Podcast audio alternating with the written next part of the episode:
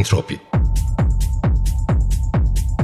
Sonsuz enerji, sonsuz devinim ve düzensizliğin değişen ritmi. Hazırlayan ve sunan Bikem Ekberzade.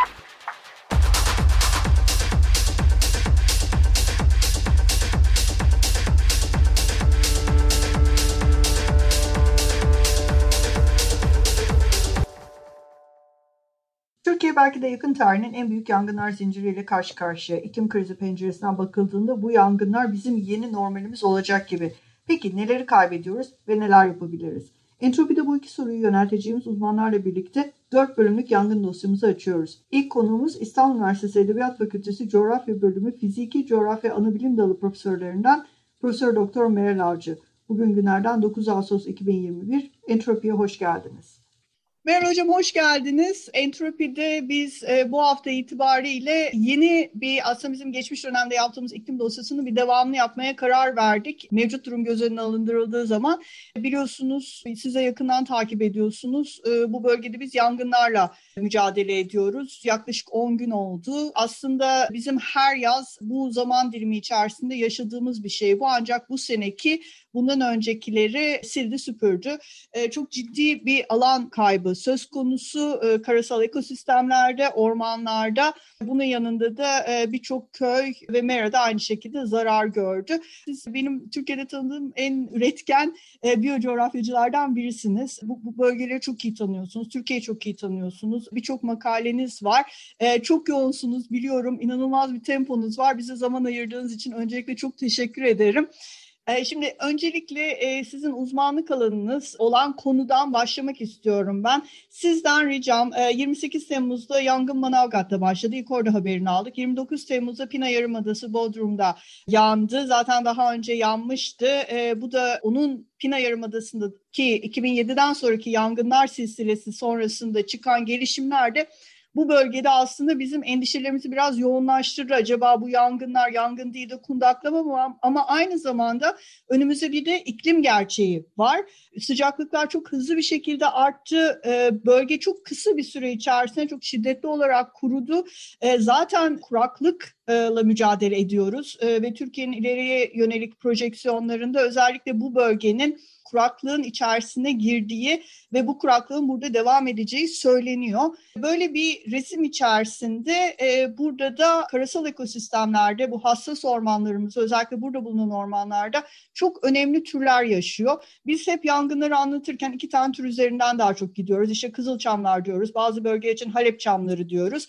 Ama aslında bu bölge çok farklı türlere ev sahipliği yapıyor. Sizden ricam Manavgat'tan Milas'a doğru şöyle bir geldiğimizde e, hatta biraz da belki kuzeye doğru çıktığımızda yani Güney Ege ve Akdeniz'de biz nelerle karşılaşıyoruz? Hangi bölgelerden geçiyoruz? Hangi türler var burada? Ve biz bu yangında neleri kaybettik? Rica etsem bizim için bir özetler misiniz? Aa, tabii ben önce teşekkür ediyorum bu davet için ve tabii ki düşüncelerimi paylaşmak için e, bu benim için de bir fırsat oldu. Çok üzgünüm yani onu da öncelikle belirtmek istiyorum. Hakikaten çok üzgünüm. Ben de e, birçok e, insanımız gibi e, senin de bahsettiğin gibi çok uzun süredir bu yangınlar zaten Akdeniz Havzası'nda hep var. Ama bu boyutlarda yakın yıllarda en azından biz böyle bir şey görmemiştik böyle bir durum yaşamamıştık. Çok hakikaten can acıtıcı oldu. Yani onu özellikle ben de belirtmek istiyorum ve tekrar teşekkür ediyorum. Şimdi burası e, nasıl bir yer? Yani e, önce şunu söylemek lazım belki biz neredeyiz? Yani bir e, hani kürenin bütününü veya hani dünya işte gözümüzün önüne getirdiğimizde e, neredeyiz? Akdeniz Havzası diyoruz. Yani işte Akdeniz Havzası'nın kendine özel bir takım koşulları var. Yani bitkiler için veya diğer onların yarattığı işte habitatlar için bunları değerlendirirsek e, diğer hayvan türleri için Dolayısıyla Akdeniz Havzası esasında biraz özel bir yer. Yani sıkıntılı bir yer öyle söyleyeyim. Çünkü burada işte belli orayı karakterize eden bir iklim tipi var ve dolayısıyla da ona adaptasyon gösteren belli başlı işte ağaç türleri, çalı türleri ya da ot türleri var. Şimdi neden sıkıntılı bir yer diyorum? Çünkü bitkilerin yetişme mevsimi açısından düşünürsek sadece eğer sıcaklıkları dikkate alırsanız aa ne kadar güzel işte hep belli değerlerin üzerinde seyrediyor. Ama burada çok belirgin olan bir yaz kuraklığı var. Yani ciddi bir su sıkıntısının yaşandığı bir dönem var. Dolayısıyla da e, bu bitkiler açısından e, hakikaten çok sıkıntılı bir dönemi de beraberinde getirmiş oluyor.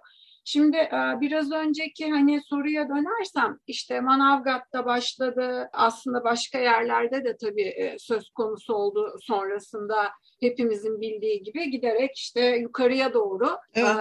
e, yayıldı. Dolayısıyla hani bu alanlarda ne var? En çok konuşulan e, Kızılçam. İlk insanların aklına gelen Kızılçam, Kızılçam ve sanki başka hiçbir şey yokmuş gibi böyle bir izlenim de aslında yarattı. Bu bu kadar çok konuşulması Kızılçam'ın. Ama e, tabii ki buralar e, sadece Kızılçamlara ev sahipliği yapan yerler değil. Yani bizim bütün Akdeniz kıyılarımız ya da daha doğrusu bütünüyle Akdeniz Havzası'nı eğer düşünürsek e, buralarda çok çeşitli işte ağaç türleri var. Tabii ki bunların e, yayılış alanlarını da organize eden başka şeyler var. İşte bir yükselti ya da diğer koşulları da dikkate alırsanız işte e, yaş e, konusundaki farklılıklar yani buralar böyle tek düze gözümüzün alabildiğine sadece Kızılçam ormanlarıyla ya da işte batıya giderseniz ne bileyim Akdeniz Havzası'nın batısı esasında yayılış alanı olan bazı çam türleri var. Böyle sadece onlardan meydana geliyormuş gibi de bir izlenim oldu. Tabii bu çok yanlış bir şey. Çünkü tamam bizim e, ülkemizde e, özellikle Torosların aşağı kesimlerinde e, Kızılçam hakim bir orman ağacını oluşturuyor. E, ama onun yukarısına çıktığımız zaman e, başka ağaç türleri de var ya da işte bazı yetişme ortamları bakımından farklılaşan yerlerde mesela bazı kurakçıl meşe türleri var. E, ya da daha yukarılara çıkarsak işte Karaçam, Göknar, özellikle e, sedir, e, Toros e, sediri. Toros sediri, evet. evet. Ya da Lübnan sediri diğer adıyla söyleyecek olursak. E, bunlar e, yaygın e, ağaçların başında geliyor. Özellikle meşelerin gerçekten çok çeşitli olduğunu da söylememiz lazım. Yani tabii ki Türkiye'ye onları yaydığımız zaman burada konuşacağımız alanlar iç, e, bakımından e, daha hani belli başlı e, taksonlar karşımıza çıkıyor. Şimdi buralar dedim ki işte yazları sıcak, kurak, kışları ılık ve yağışlı diye böyle hani bize e, çok öğretiliyor. evet öğretilen temel bilgilerden bir tanesi bu.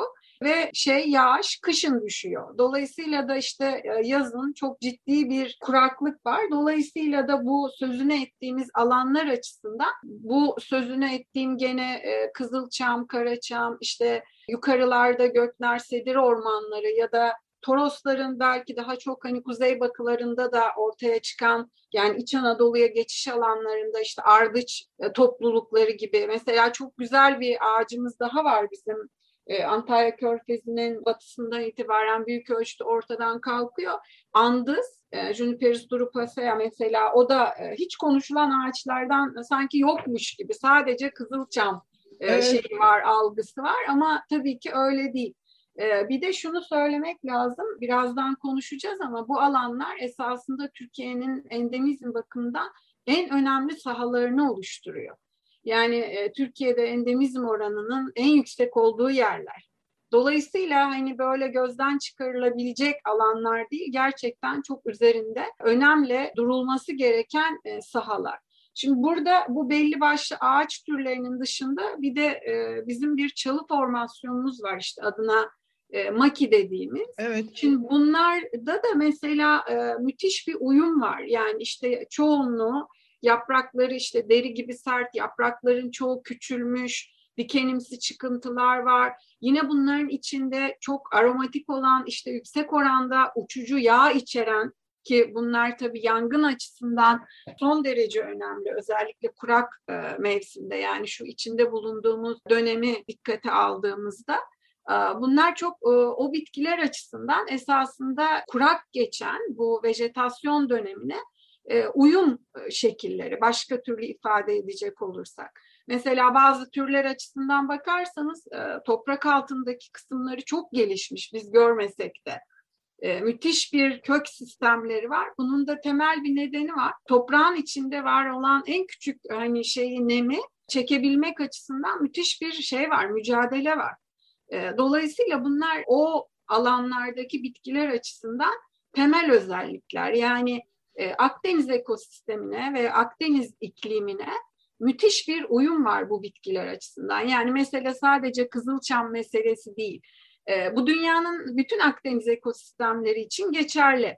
Yani gidersek eğer Kaliforniya kıyılarına orada da benzer şeyler var. Ya da aşağı inelim Güney Yarımküre'de işte Şili kıyılarındaki e, Akdeniz ekosistemi sahaları ya da Afrika'nın güneyindeki mesela Kap, e, oradaki Akdeniz ekosistemi müthiş evet. aynı zamanda endemizm açısından özel yerlerden bir tanesi küre üzerinde.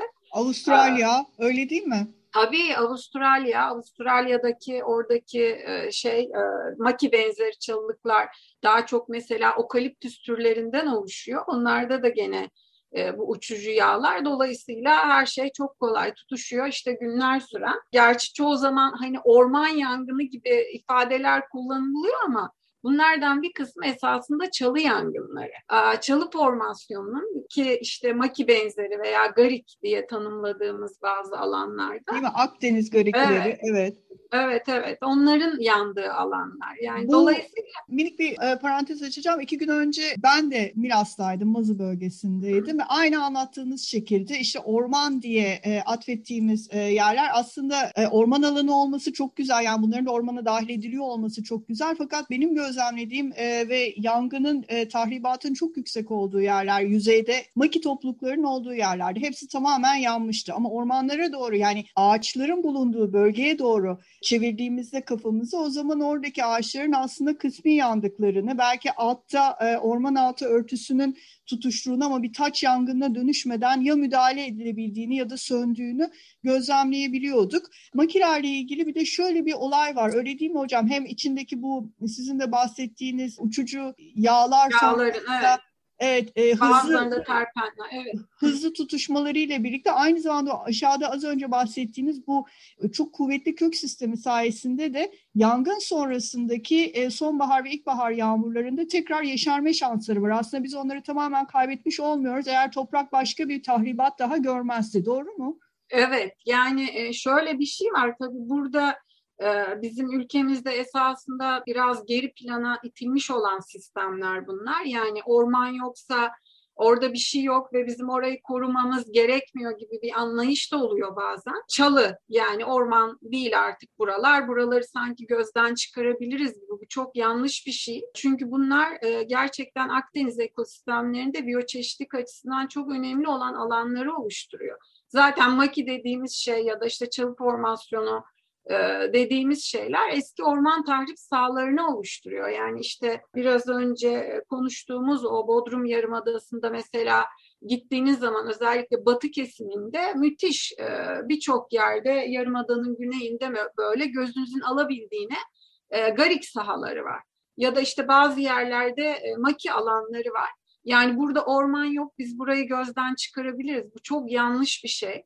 Dolayısıyla bu alanları da esasında biraz kazanmak için gayret göstermek gerekiyor. Yani bu gariğin içinde de çok kolay yanan tabii ki bazı bitkiler var. Biraz önce bahsettiğimiz işte uçucu yağlar içeren bitkiler bunlarda.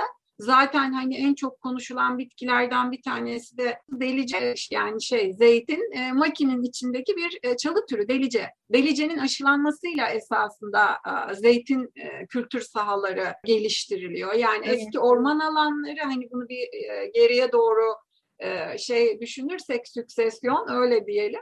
Dolayısıyla ne oluyor? İşte orman alanlarını tahrip ediyorsunuz. Yerine işte bir çalı formasyonu e, geliyor o işte e, Akdeniz sistemlerinde e, maki. Makiyi de eğer bozarsanız e, oralardaki bütün ekolojik koşullar değiştiği için makinin içinde var olan o 18-20 tane çalı türünden o kötü koşullara adaptasyon gösteren 4-5 tane tür orada yaşamayı beceriyor. İşte kermez meşesi, katran ardıcı ya da işte ayak yakan vesaire gibi bazı böyle e, daha dikenli, işte daha kolay adaptasyon gösteren şeyler, bitkiler.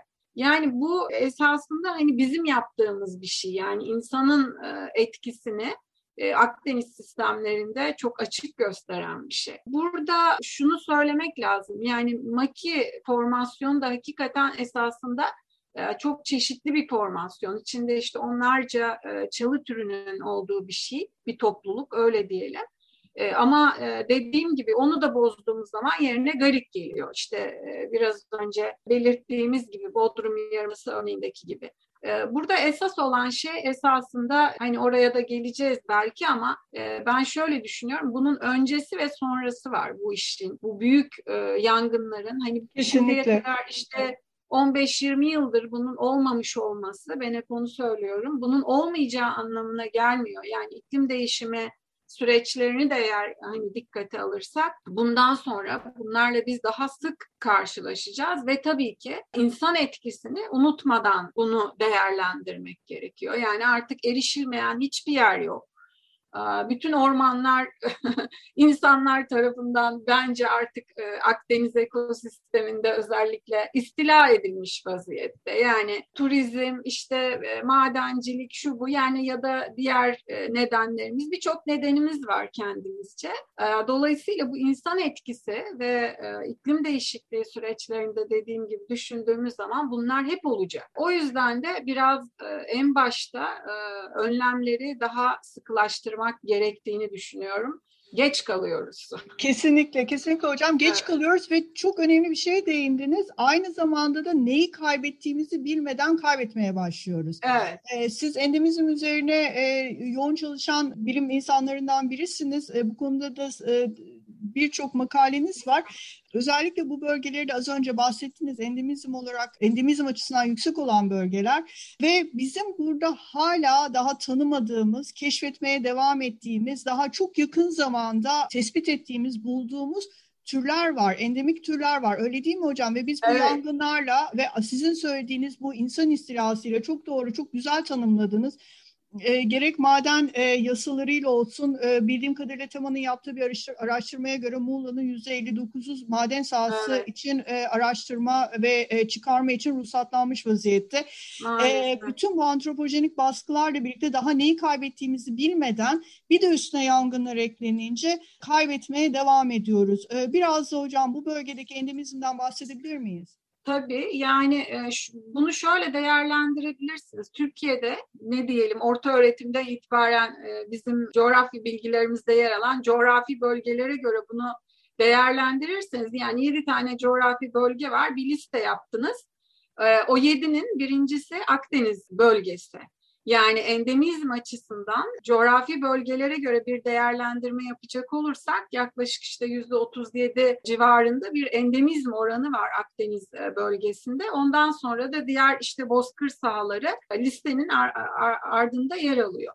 Dolayısıyla Akdeniz coğrafi bölgesi endemizm açısından çok önemli bir saha. Yani bizim coğrafi bölgelerimiz içinde endemizm oranının ve endemik bitkilerin en fazla olduğu alanı e, oluşturuyor, meydana getiriyor. Dolayısıyla hani bu, bunun tabii ki çok çeşitli nedenleri var. Şu anda onu konuşmak için ayrıntılı bir şekilde belki vaktimiz yok. E, ama şunu söyleyebiliriz yani işte coğrafi enlem ve boylamlara göre böyle bir Türkiye'yi hani botanikçiler e, karelere bölerek e, bu tanımlamaları yapıyorlar. E, bu konuştuğumuz bölgeler e, işte en alttaki o C karesinin içinde yer alanlar ve Torosların bu yanan alanlarına bakarsak oradaki karelerin içinde hep böyle 500-600 civarında e, endemik bitkinin yetiştiğini, yer aldığını görürsünüz. Dolayısıyla bunlar hani biraz evvel de sözünü ettiğim gibi bizim gözden çıkarabileceğimiz yerler değil. Türkiye'deki bitkilerin çeşitliliği açısından e, en önemli sahaları aslında konuşuyoruz burada. Bunun e, altını önemli çizmek gerekiyor. Yani Türkiye'de endemizm açısından çok önemli yerler buralar. E, ve e, senin de bahsettiğin gibi aslında çok sayıda takson yeni bitki tanımlanıyor. Yani birkaç tane örnek mesela işte 2-3 günden beri Köyceğiz yangınlarını konuşuyoruz. hemen açtım baktım ben nereler yanıyor. Maalesef Sandras yani Evet. Ee, inanılmaz e, üzülüyorum çünkü neden işte Sandras deyince benim aklıma hakikaten işte endemizm oranının çok önemli olduğu e, bir yer geliyor ve adı yani bitkilerin adı işte Sandras. E, çünkü gerçekten çok güzel, çok özel bitkilerin e, yetiştiği alanlardan bir tanesidir. Sandras. Aynı zamanda işte serpentin veya ofiyolitlerin söz konusu olduğu da bir yer. E, ve o yüzden de buradan tanımlanan mesela birçok bitkiye Sandras Dağı'nın adı ya da işte serpentin adı verildiğini de görüyoruz. Yani buraya özel olan çok sayıda bitki var. Yani bunları evet. nasıl gözden çıkarabiliriz? Çok sayıda endemik bitkinin yetiştiği, altını tekrar önemli çizmek istiyorum. Bu mesele sadece hani Kızılçam e, meselesi gibi kesinlikle değerlendirilmemesi lazım. Yani çok yeni işte geçen sene mesela daha Sandras dağlarından dağından tanımlanmış e, yeni türler var. E, bu konuda çalışan e, şeylere hocalarımızın yayınlarına bakarsak e, hatta şunu da söyleyeyim mesela e, yeni e, cins var. 2020'de e, yayınlanmış olan. Bu çok güzel bir şey. Yani cins düzeyinde taksonomik açıdan e, düşünürseniz Türkiye florasından hala böyle bitkilerin çıkıyor olması çok önemli bir şey. Tabii ee, cins o, düzeyinde dediğimiz zaman daha üst düzeyde yani tabii, e, bir türün düzeyde. alt şeyleri değil, e, türevleri değil, e, kendi başına bir cinsten bahsediyoruz. Evet, Ve evet. Yani, çok yeni buluyoruz değil mi hocam? Evet, yani soyadı e, anlamında düşünün. Mesela benim soyadım Avcı, Avcı soyadını taşıyan e, dünyada tek takson var ve o da bizim ülkemizde yetişiyor. Bu nasıl güzel bir şey yani bitki çeşitliliği kesinlikle, açısından. Kesinlikle ve aynı zamanda Sandras'tan da bir başka şeyden daha bahsettiniz. Serpentin bitkilerden bahsettiniz. Bunlar aslında çok Türkiye açısından belki çok çok önemli çünkü evet. serpentin alanlar o bitkiler sadece e, oraya doğru biliyorsa yanlış biliyorsam lütfen düzeltin oraya adapte olmuş oluyorlar ve e, serpentin alanlara bir bitkinin adapte olması ya da adapte olacak bitki sayısı da çok yüksek olamıyor. Öyle değil mi? Evet, bunlar gerçekten evet. çok özel bitki türleri oluyor. Evet ve bunlar aslında bütün dünyada taranıyor. Yani serpentin e, alanlarda e, yetişen bitkiler. E, çünkü bunlar ağır metalleri aynı zamanda biriktiren bitkiler. Bünyelerine topraktan alıyorlar. Dolayısıyla da hani ağır metaller bakımından mesela sanayi bölgelerinde filan kirletilmiş olan alanların temizlenmesi açısından da araştırmaya konu olan yerler. Evet, rehabilitasyon yani de, için değil mi? Evet, evet. Yani bir de öyle bir şeyi var. Özellikleri, özellikleri var. Özellikleri var. O bakımdan bu da çok önemli. Yani serpentin sağlar e, gerçekten çok özel alanlar. Orada bitki besin maddeleri açısından bir takım sıkıntılar olabiliyor ama bitkilerin oradaki o ağır metallere adaptasyonu da e, son derece önemli. O yüzden Türkiye'deki bu ofiyolitli veya işte serpentin ana kayaların yaygın olduğu yerler de çok önemli. Endemizm açısından da önemli. Onu e, belirtmemiz lazım. Kesinlikle hocam. Ee, şimdi zamanımız gerçekten az ama ben sizi tekrardan entropiye almak isterim. Ee, özellikle bu endemizm ve Türkiye konularını biraz daha uzun zamanlı e, ve daha keyifli bir dönemde, yangınların etrafımızı evet, sarmadı, daha keyifli bir dönemde geniş geniş konuşmak isterim ama şu son kalan süremizde sizden ricam Bundan sonra ne yapabilir? Şimdi o kadar önemli şeyler söylediniz ki bunlardan bir tanesini ben tekrardan altını çizmek istiyorum. Bu bölgeye adapte olmuş türlerden bahsediyoruz. Yani biz gidip de İstanbul'daki bir fidanlıktan bir ağacı alıp buraya getirdiğimiz zaman aslında burayı yeşillendirmiyoruz öyle değil mi? Yani Bundan yeşillendirmek sonra... demeyelim de biz esasında o bitkinin orada bir tarlasını oluşturuyoruz ya da bir kültür alanını oluşturuyoruz. Yani o çok bambaşka bir şey. Ee, onu söylememiz lazım. Evet onu söylememiz lazım ve bundan sonra ne yapabiliriz? Hocam burada bu kadar e, uzun sürelerde bizim algılayabildiğimiz dönemlerin çok daha üstünde sürelerde bu tarz ekosistemleri, bu tarz iklime adapte olmuş türlerin ve adapte olmaya devam eden türlerin çünkü bu e, yangınlarla birlikte onlar da kendilerine ileriye yönelik e, kendi içsel biyolojik programlamalarını yapıyorlar.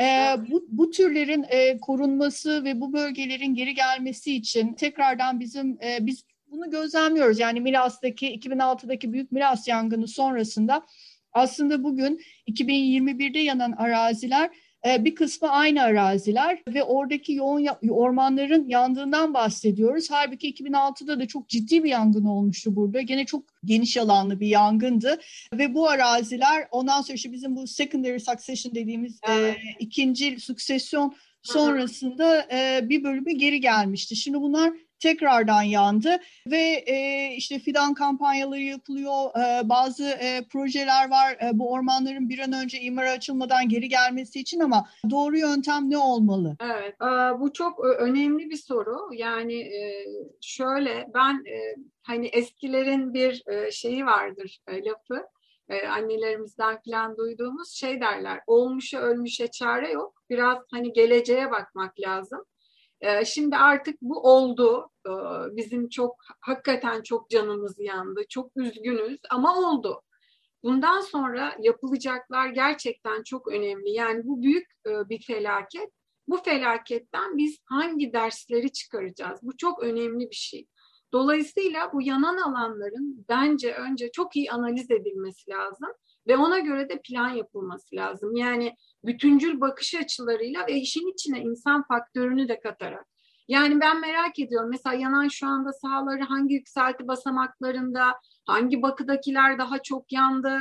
E, çünkü bu gelecekteki e, planlar için çok önemli bir şey. Oraları tanımak, e, eğer ağaçlandırma yapılmak zorunda kalınırsa yani kendi ekosistemin kendini yenilemesine tabii ki bekleyelim ama belki başarısız olunan yerler olacaktır.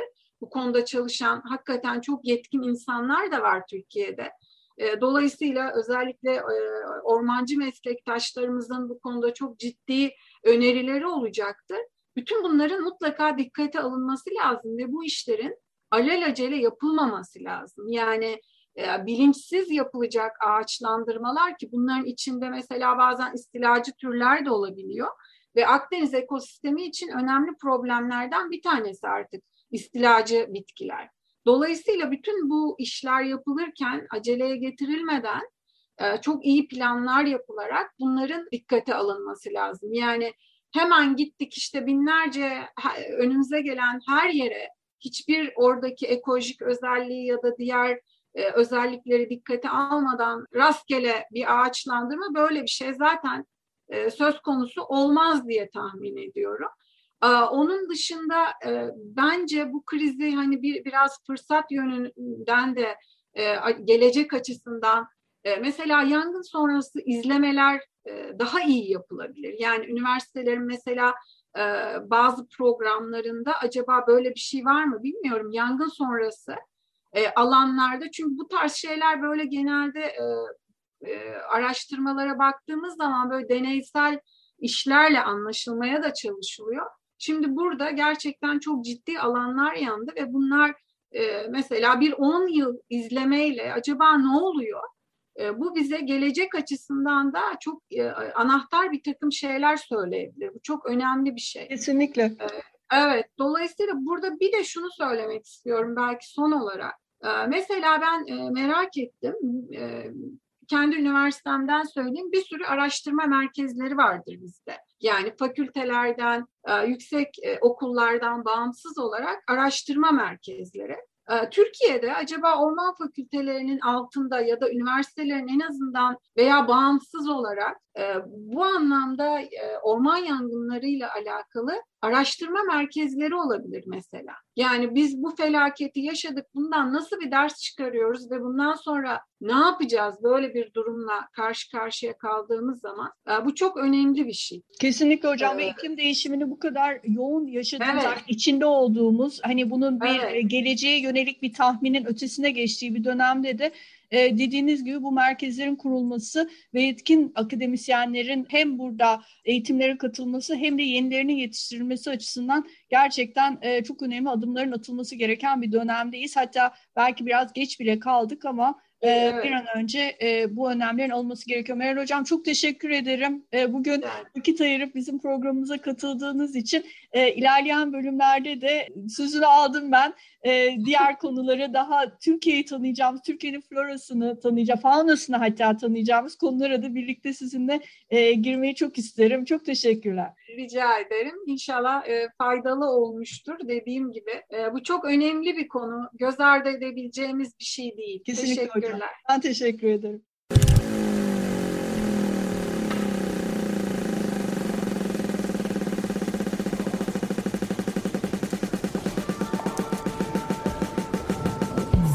Entropi enerji, sonsuz devinim ve düzensizliğin değişen ritmi. Hazırlayan ve sunan Likel Mekberzade.